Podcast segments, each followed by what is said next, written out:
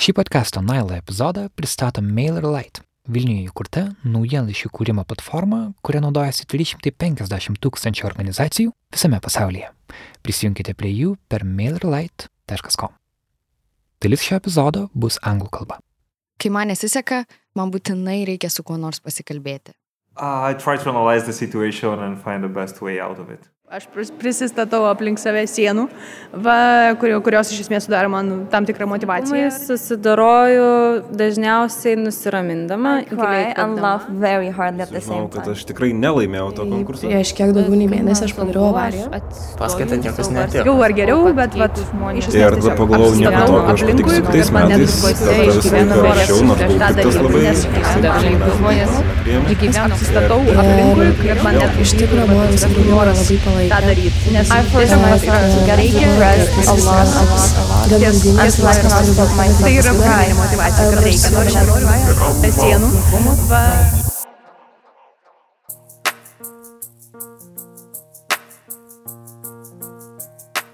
Mes esame įpratę girdėti sėkmės istorijas.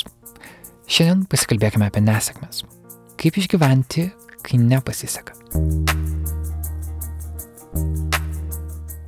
All these big things, being failures or big family secrets or personal secrets or whatever it is, they say that after you say them three times in front of a group or someone, they start becoming less big and less pressing. And the goal eventually is to talk about them the same way you talk about the weather.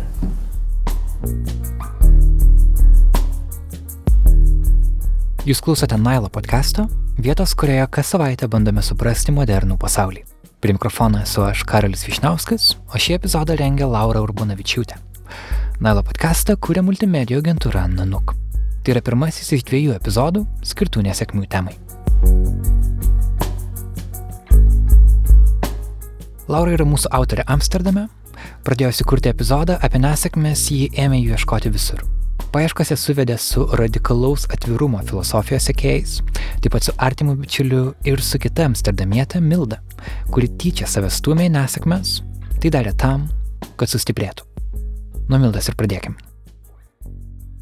Ir aš galvoju, viskas, einu mėgoti ir atsikelsiu, viskas bus naujai. Septintą rytą pabudau, ten sapnuovau visokius košmarus, pabudau ir tiesiog vėl tas toks, tas jausmas toks šlikštus, kaip, nu, kai tu jauti, kad, nu, taip susimoviai, žiauriai susimoviai ir dar kitus kažkaip įtraukiai į tai. Ir tada galvoju, ne, ne, neišgyvensiu, ne, negaliu, viskas pakojas daiktas važiuoja į Lietuvą. Galvoju, viskas, viskas reikia dar, dar pamiegoti. Tai taip pamiegojau iki dešimtos, vėl atsikėliau su to, ne, ne, ne. Tada e, mano pirmą valandą atsikėliau irgi buvo, o ne. Kaip baisu.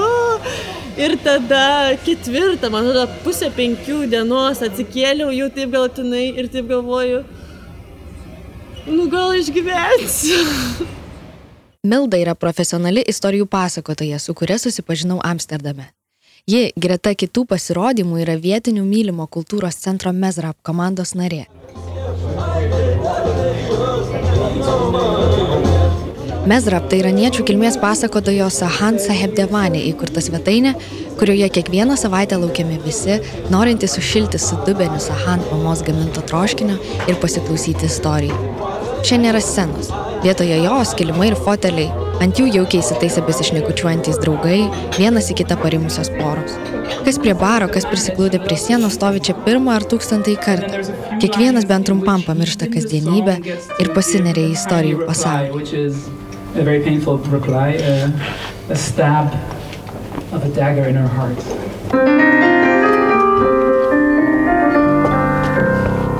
Oh, where has my love gone with his cheeks like roses, with his good black billycock on, decked with primroses? I'm afraid scorching. Laikui bėgant svečiai svetainėje ėmė paprasčiausiai nebetilpti, todėl Sahand išnuomojo nedidelius arbatos namus, kur 2003 metais ir prasidėjo Mezrap.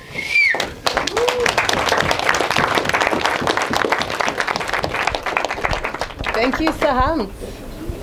Welcome, everybody. I'm going to start a new thing today.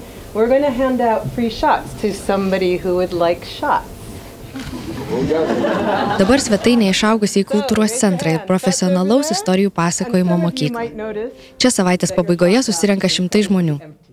Viename iš tokių vakarų pasirodė ir Milda. I spent the summer in Lithuania and I arrived back to Amsterdam on 28th of August. And on 29th of August, I already had keys of my uh, uh. Yes, it's true. I'm I'm very nice person. I'm very nice. I'm very nice person. But um, when it comes to looking for the place, I use all kind of tricks. I can lie. I can bribe. If I really want that place, I can flirt. I can even pretend being somebody else that I did once. Mezrap įkūrėja Sahant buvo Mildos mokytojų pasakotojų mokykloje ir man prisipažino, jog Milda geriausia jo mokinė. Pašaukimas aistra tai, vadinkite kaip norite. Viena aišku, Milda rado savo vietą po saulę. E, nežinau, o kur yra čia? Susitikome traukinių stotyje. Ji turėjo trumputę pertrauką tarp savo kelionių, todėl prisėdame podeliui kavos. Galim prisėsti laukia, jeigu tau nešalta. Milda pasakoja, kad didžiausias nesėkmės patyrė, kuomet mokėsi tapti profesionale pasakotoje. Tuo metu ji pasirodyti sutikdavo visur. Suvokdama, kad kiekvienas pasirodymas yra potenciali nesėkmė, ji siekia išeiti iš savo komforto zonos ir ją patirti. Visur ėjau, visur, visus priimdavau kvietimus, net ir jeigu, pavyzdžiui, būdavo prieš ten, žinai, dieną. Nu, va čia kažkas e, atšaukė, ar milda tu gali atvaryti. Nu ir galiu ir atvarysiu. Tai aš, tai aš tikrai labai daug, labai daug e, klaidų tuo metu dariau ir tai buvo labai labai skausminga, buvo beprotiškai skausminga. Aš norėdavau viską mesti mažiausiai tris kartus per savaitę. Tai yra būtina, nes kitaip, jeigu tu neįsirašysi tos informacijos, tų klaidų į savo DNA, žinai, į visą kūną, nes tai, nu kas tai yra, tu kai stovi ant scenos, e, kūnas yra tavo medija, tavo balsas, viskas, tai, tu, ir visą tą informaciją tu turi, turi rašyti kūną. Jeigu tu tik skaitysi, žinai, tu tik žiūrėsi kažkaip uh, iš šono, ta informacija neįeis, viskas bus tik tavo galvoj. Tai tu turi kažkaip atrasti būdą, kaip visą tą žinojimą, žinai, nutekinti į visas lastelės savo. Nes jeigu jau ten yra, tu jau esi išmokęs. Man, pavyzdžiui, buvo taip ir su filosofija. Aš atrodo, keturis metus skaičiau, viską ten žin, mokiausi, viską supratau, žinai, atrodo, gerai baigiau. Bet e, tie tikrieji supratimai, apie ką tai buvo, man atėjo tik tada, kai aš pradėjau įgyti tokios gyvenimiškos patirties, kai aš tiesiog išėjau iš universiteto, pradėjau dirbti, irgi pradėjau ten klysti, žinai, kažkas ir taip toliau. Ir tada, aha, tai čia va tą turėjo tas Heideggeris galvoja ir kažkaip taip, supranti. Tačiau nepaisant visų bandymų ir pasirodymų, Milda stipriausiai susimovė dar būdama pasakotojų mokykloje. Po šios istorijos, vasarą praleidusi Lietuvoje, ji bijojo grįžti atgal į Amsterdamą. Kol aš mokiausi pasakotojų mokykloje, trijų mėnesių šitas intensyvus kursas kiekvieną dieną. Ir mūsų mokytojai, mes kai pradėjom jau ten e, mokytis, mums pasakė, kad šitų, šito trijų mėnesių laikotarpyje. Visi mokiniai įsipareigojo kurso metu istorijų niekur kitur nepasakoti. Nes tu eini per labai gilų procesą, tu turi save pažinti kaip, kaip atlikėja, tu turi nusižievinti tam tikrą prasme, nusijimti visas kaukės, kad paskui tu galėtum, ką nori užnai užsidėti, ar ten liūdėsi, pykti ir taip toliau, kad viskas turi būti taip švariai išplauta. Ir jau ten buvo pati pabaiga. Nežinodama, kas jos laukia, tačiau nekantraudama užlipti ant scenos ir pagaliau išbandyti save naujame amplua, Milda nusprendė papasakoti mokykloje ruoštą istoriją. Tai turėjo būti nekaltas pasitreniravimas prieš premjerą Mezrab. Vis dėlto, istorija buvo pernelyg sudėtinga. Milda, kaip ji pati sako, nesugebėjo jos pakelti ir lyg akmuotą vakarą ji prislėgė visus, įskaitant ir pačią pasakotoją.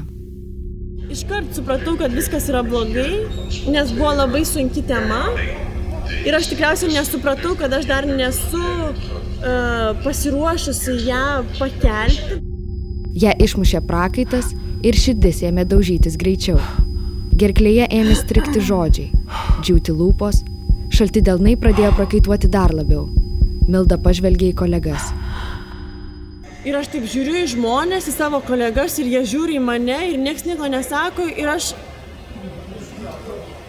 Aš, nežinau net ką daryti. Man pirma mintis, kad, nes, va, žinai, ten ta vieta, kur išeini iš karto ir kanalas, žinai. Aš tai galvoju, nu, aš tiesiog į vandenį norėčiau iššokti dabar. Nesėkmės įsirašo į mūsų lasteles. Skaudžiai įsiskverbia ir tyliai pakeičia mus. Išmoko, įprasmina, kol galų gale tampa patirtimi. Milda visų kūnų patyrė, ką reiškia blogas pasirodymas tam, kad suprastų, kas yra geras pasakojimas. Kiekviena jos nesėkmė kūrė žinojimą. Tai buvo Mildos procesas. Tai yra ilgas, ilgas procesas. procesas. Kai tu praeini pro tą ilgą procesą, tai tu supranti, kad nu, tai yra būtina. Ir jeigu dabar, ne jeigu, kai nutiks vėl, tai aš žinosiu, kad, nu tai taip, gal net ilgiau užtrunka tie dalykai. Kartais tiesiog, nu, nekuri, žinai, nes reikia išeiti iš to. Bet, uh, nu, taip yra. Taip yra parašyta ir taip turi būti. Toks va tas, tas kelias toks. Go away so I don't see you anymore in my house. and the giants, they ran away. And my friend, she still lives there, very nice. I will go to visit her because I'm going next week to Lithuania. And I really invite you all.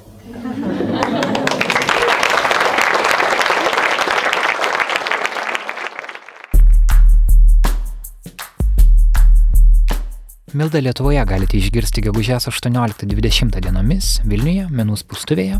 Jie atidarys Baltic Storytelling centrą.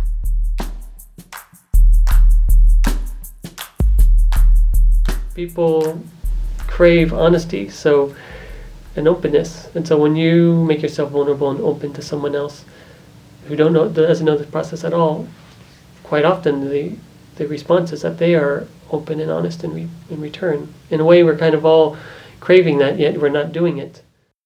Antroji podcast'o dalis - apie atvirumą.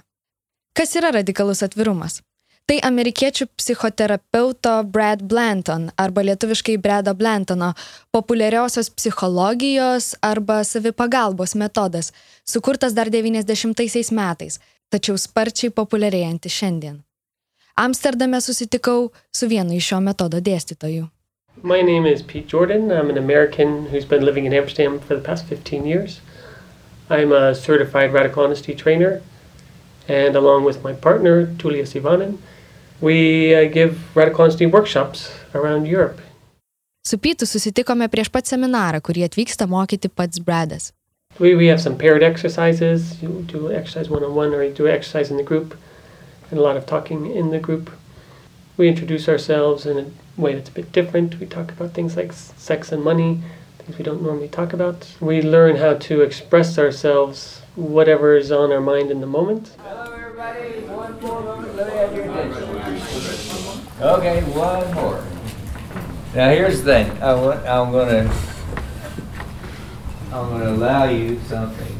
So I want you all to close your eyes. So just go ahead and follow me and do the chant. Duh.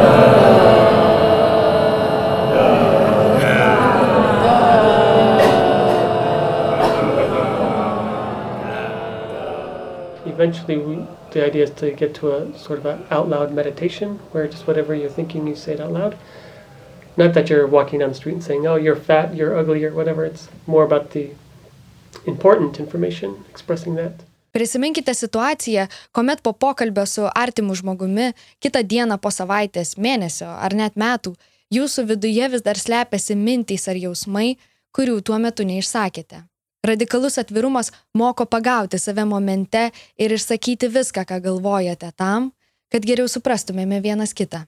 We do an exercise in the workshop called Sometimes I Pretend. It's quite, uh, quite eye opening to hear so many other people what they pretend, and it's oftentimes hits home with things that the, the other people do as well. So sometimes I pretend like I know exactly what I'm going to do next when I have no idea whatsoever.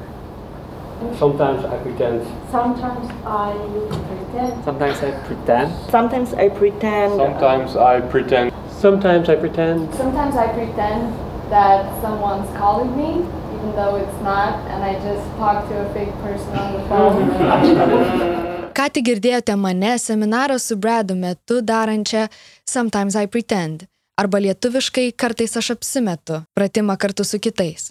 Kol vieni tokie kaip aš plaukė paviršiumi ir pusiau juokais kalbėjo apie tai, kad kartais nekenčia, kai juos fotografuoja, ar pavyzdžiui, kaip aš prasitarė apie savo nepasitikėjimą savimi, kiti atvėrė širdis kalbėdami apie santykius ir netektis.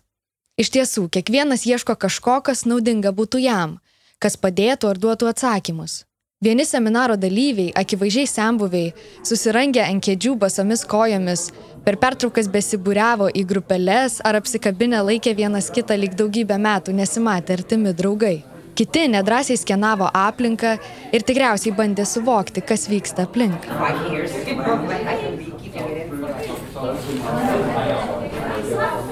Prisėdau prie merginos į seminarą atvykusios pirmą kartą. Galėjau eiti į vakarėlį arba atvykti čia ir sužinoti kažką naujo, tarstelėjo ji.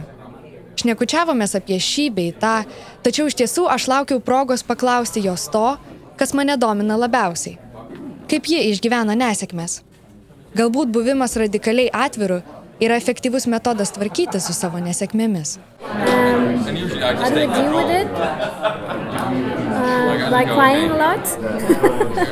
how and then shifting my spe- perspective. But it takes time.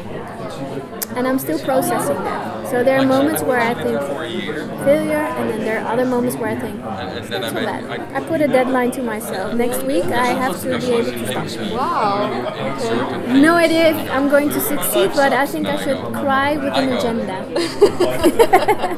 We coach people to fuck up, to fail, to just do it. We all want to pretend like we got it together and we're doing a good job and we're not failures and we don't fuck up. That's completely stressful. We stress ourselves out about that. And in radicalism, we just tell people, go ahead and fuck up. So many things that we we're worried that we're going to fail at as modern day human beings. We we're stuck in our heads uh, worrying about it, and yet, what's the worst outcome that's going to come from these failures? Some public embarrassment, for example. Well, what's what's really happening with public embarrassment? You're you're he- feeling heat in your body, probably you're feeling sweatiness in your body, and that's it. Maybe your heart racing. That's what it's really about. Galbūt gebėjimas būti atviru su savimi ir kitais, mokėjimas išlikti momente, atsisakyti iliuzijų ir tiesiog apsiriboti fakto konstatavimu yra visai neblogas būdas priimti ir patirti nesėkmės. Galbūt taip, o galbūt ir ne. Pradėjus šį pasakojimą gerokai panaršiau internete. Apie šį metodą parašyta nėra daug, tačiau kol vieni žurnalistai patys pasinėrė į radikalaus atvirumo pasaulį, tarsi priimdami Brado mestą iššūkį, kiti pasakoja, jog jautėsi patekę į savotišką sektą. Apie pačius seminarus taip pat sklinda gandai. Savaitės ilgio seminaruose dalyviai nusirengė nuogai vienas priešais kitą ir kalba apie savo kūnus. Tai didelis seminaro kabliukas. Norėdamas jame dalyvauti, turi būti pasiryžęs. Sekta? Pasižymėjau savo užrašų kamputyje, prieš eidama kalbėti su Pytu. I'm not so worried about what the journalists say, or it's on the surface. It's so easy to just think it's about people yelling at each other and getting naked. Again, the sensationalistic part of it, of hearing that we express anger, and maybe even if you overhear us from a distance, expressing loudly um, angry at you for doing this or that, or at the same time knowing that in the most intensive workshops we do get naked all as a group and talk about our bodies and sexuality. But just on the surface, these people are weird, or this whole concept is weird. Sutikau Hebą išeidama iš seminaro. Staptelėjome. What you were looking for in uh, radical honesty? I was looking for me. And I feel more me than I felt before. And I'm much more grounded in my body. I don't freeze the way I used to freeze. I don't pretend as much. And I'm much more able to sort of stand my ground and stand up for what I feel. And I, I have a history of sort of pretending to be something else or hiding from my feelings or trying to please people around me, trying to be everything to everybody, give everything to everybody. You know, what do they want? I'll give them what they want. Then they'll like me. Then then I'll be safe. Then I'll be happy. And it doesn't work. It doesn't work. So So, what did it give? Like, what? How did it change you? I've had sex. and I'd never had sex before, and I'm 50. And I just lost my virginity a month and a half ago. I'm dying to tell Brad. And I never thought that was oh. possible for me because I've been so afraid and so disconnected from everybody around me. How was it? Amazing. I love it. I'm on a new path to liberation. I also have a, another question for you because I, I ask that to people all around. Yeah. Me. What do you do when you fail? How do you deal with your with your failure? Well, there's no such thing. You start learning because I'm a perfectionist. I, I come from a family where my father is really critical. I'm always trying to get the A plus.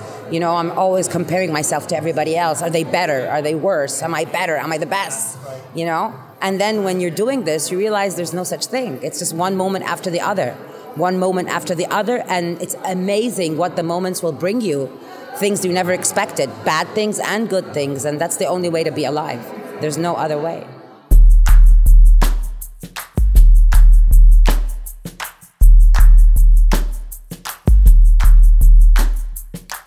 Ironiška, tačiau mane besivaikančias svetimas nesėkmės taip pat ištiko nesėkmė.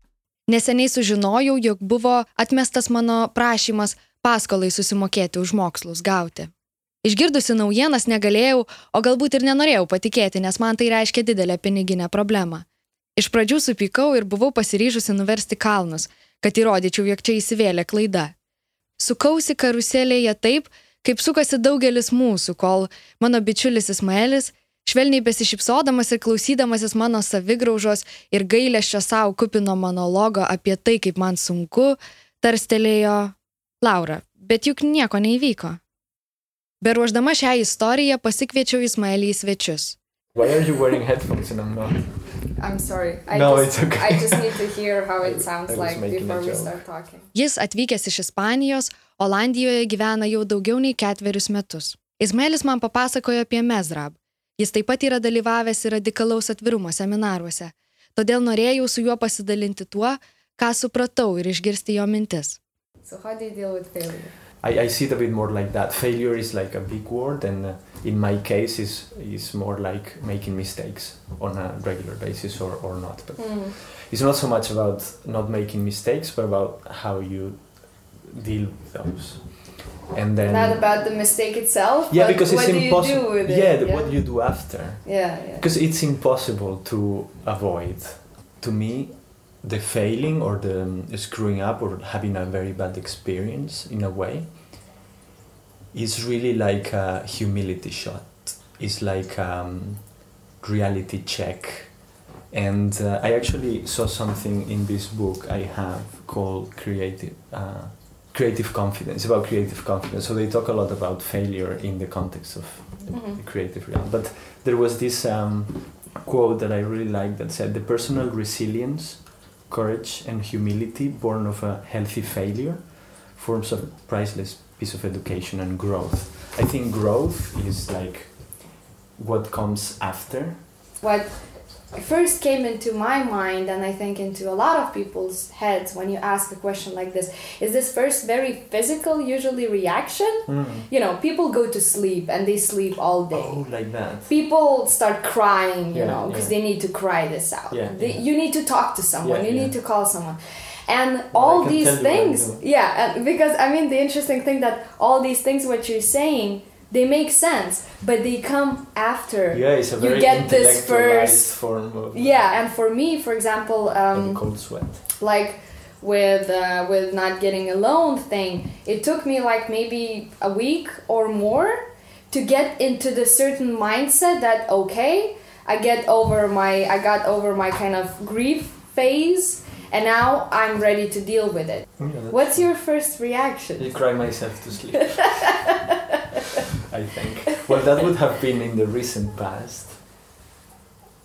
Now would be more like, you know, saying it, being like, putting it in the crudest way you can, and then things like, yeah, that's what it is. And now, and so it's sort of like alive. facing the fact yeah Yeah, yeah, yeah. Like putting it so radically clear, that you are just come out of the other side. Does that come from radical honesty? Yeah, a little bit. It comes from um, a standing point in which no, nothing is that bad that cannot be like named or Mhm. said or acknowledged. Um, because the thing is that why I asked about radical honesty because uh, uh, when uh, we were in Mesrab Mhm. and um, we were talking about my loan situation and you sort of like also like put that fact on the table like okay so this is what happened now Yeah. So and you this didn't is seem not- to be that at the end of yeah so then you feel like if somebody else tells you you know nothing happened like Yeah. everything's fine then you're kind of are forced to face the fact that you're not that important you know I can see how for you at that particular time was huge, like the biggest thing. yeah But um, you know, it seems like a story I've heard, and that many people have, you know, And- look and- back two years later. Say, oh yeah, that time when I didn't got the loan was hilarious. yeah yeah yeah that's true There's this very nice thing of radical honesty that just comes to my mind. Is the, all these big things being failures or big family secrets or personal secrets or whatever it is. They say that after you say them three times in front of a group or someone, they become they start becoming less big and less pressing. And the goal eventually is to talk about them same way you talk about the weather. did you try to do that ever? Yeah, yeah. did it I help did it, yeah. I did it at the radical honesty. can i ask what that was or You no can, but I'm not tell you. okay but Yeah. it, it it worked for you yeah, it didn't yeah, feel yeah, yeah. And it's not like it feels like talking about the weather, but it felt very liberating.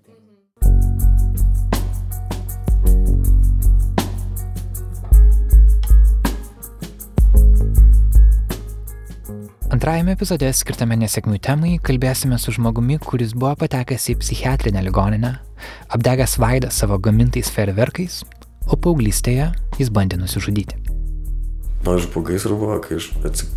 nu, atgavau sąmonę ligoniniai, pradėjau galvoti, kad visi turėtų manęs išsižadėti, visi turėtų mane pasmerkti, a, niekas iš tikrųjų neturėtų manęs čia grįžti aplankyti.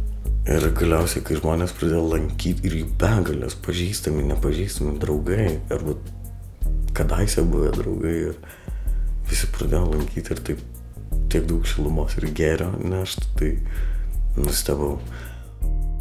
Interviu su slameriu Mariumi Povilu Elijų Martinenko išgirskite šį ketvirtadienį, sausio 18-ąją, Naila LT arba jūsų telefono podcastų programėlėje. Šį epizodą apie nesėkmes kūrė Laura Urbanavičiūtė, o redagavau aš, Karolis Višniauskas. Naila LT, rašosi nila.lt, taip pat rasite Lauros dalytas nuotraukas iš Mildos pasirodymo Mezrab istorijų pasakojimo vakare Amsterdame. Nail archyve kviečiame rasti kitą Lauros skurtą dokumentiką, tai buvo jos asmeninis pasakojimas apie tai, ką reiškia būti emigrante. Jeigu jums patiko šis ar kiti Nailo epizodai, kviečiame prisidėti prie podcast'o kūrybos adresu patreon.com pasvirasis brūkšnys nanuk multimedia, kaip vienas žodis. Šiandien jau turime 89 rėmėjus. Ačiū naujausiams jų, tai yra Regimantui Jušui, Romanui Z, Rūtai Siminaitijai, Dariui Iškevičiui, Ernestui Narmontui, Gintarijai Mastikaitijai ir Žygimantui Glemžai. Ačiū Jums nuo visos visos komandos. Jūs leidžiat mums judėti į priekį. Nailo muzikos autorius yra Martinas Gailius iš Soda Sounds, o mūsų garso redaktorė yra Kata Bitoft. Dėkojame Campus Radio Amsterdam už tai, kad Laura galėjo jų studijoje įsirašyti savo balso dalį. Nailo podcastą kūrė multimedijų agentūra Nanuk. Greitai sustiksim. Iki.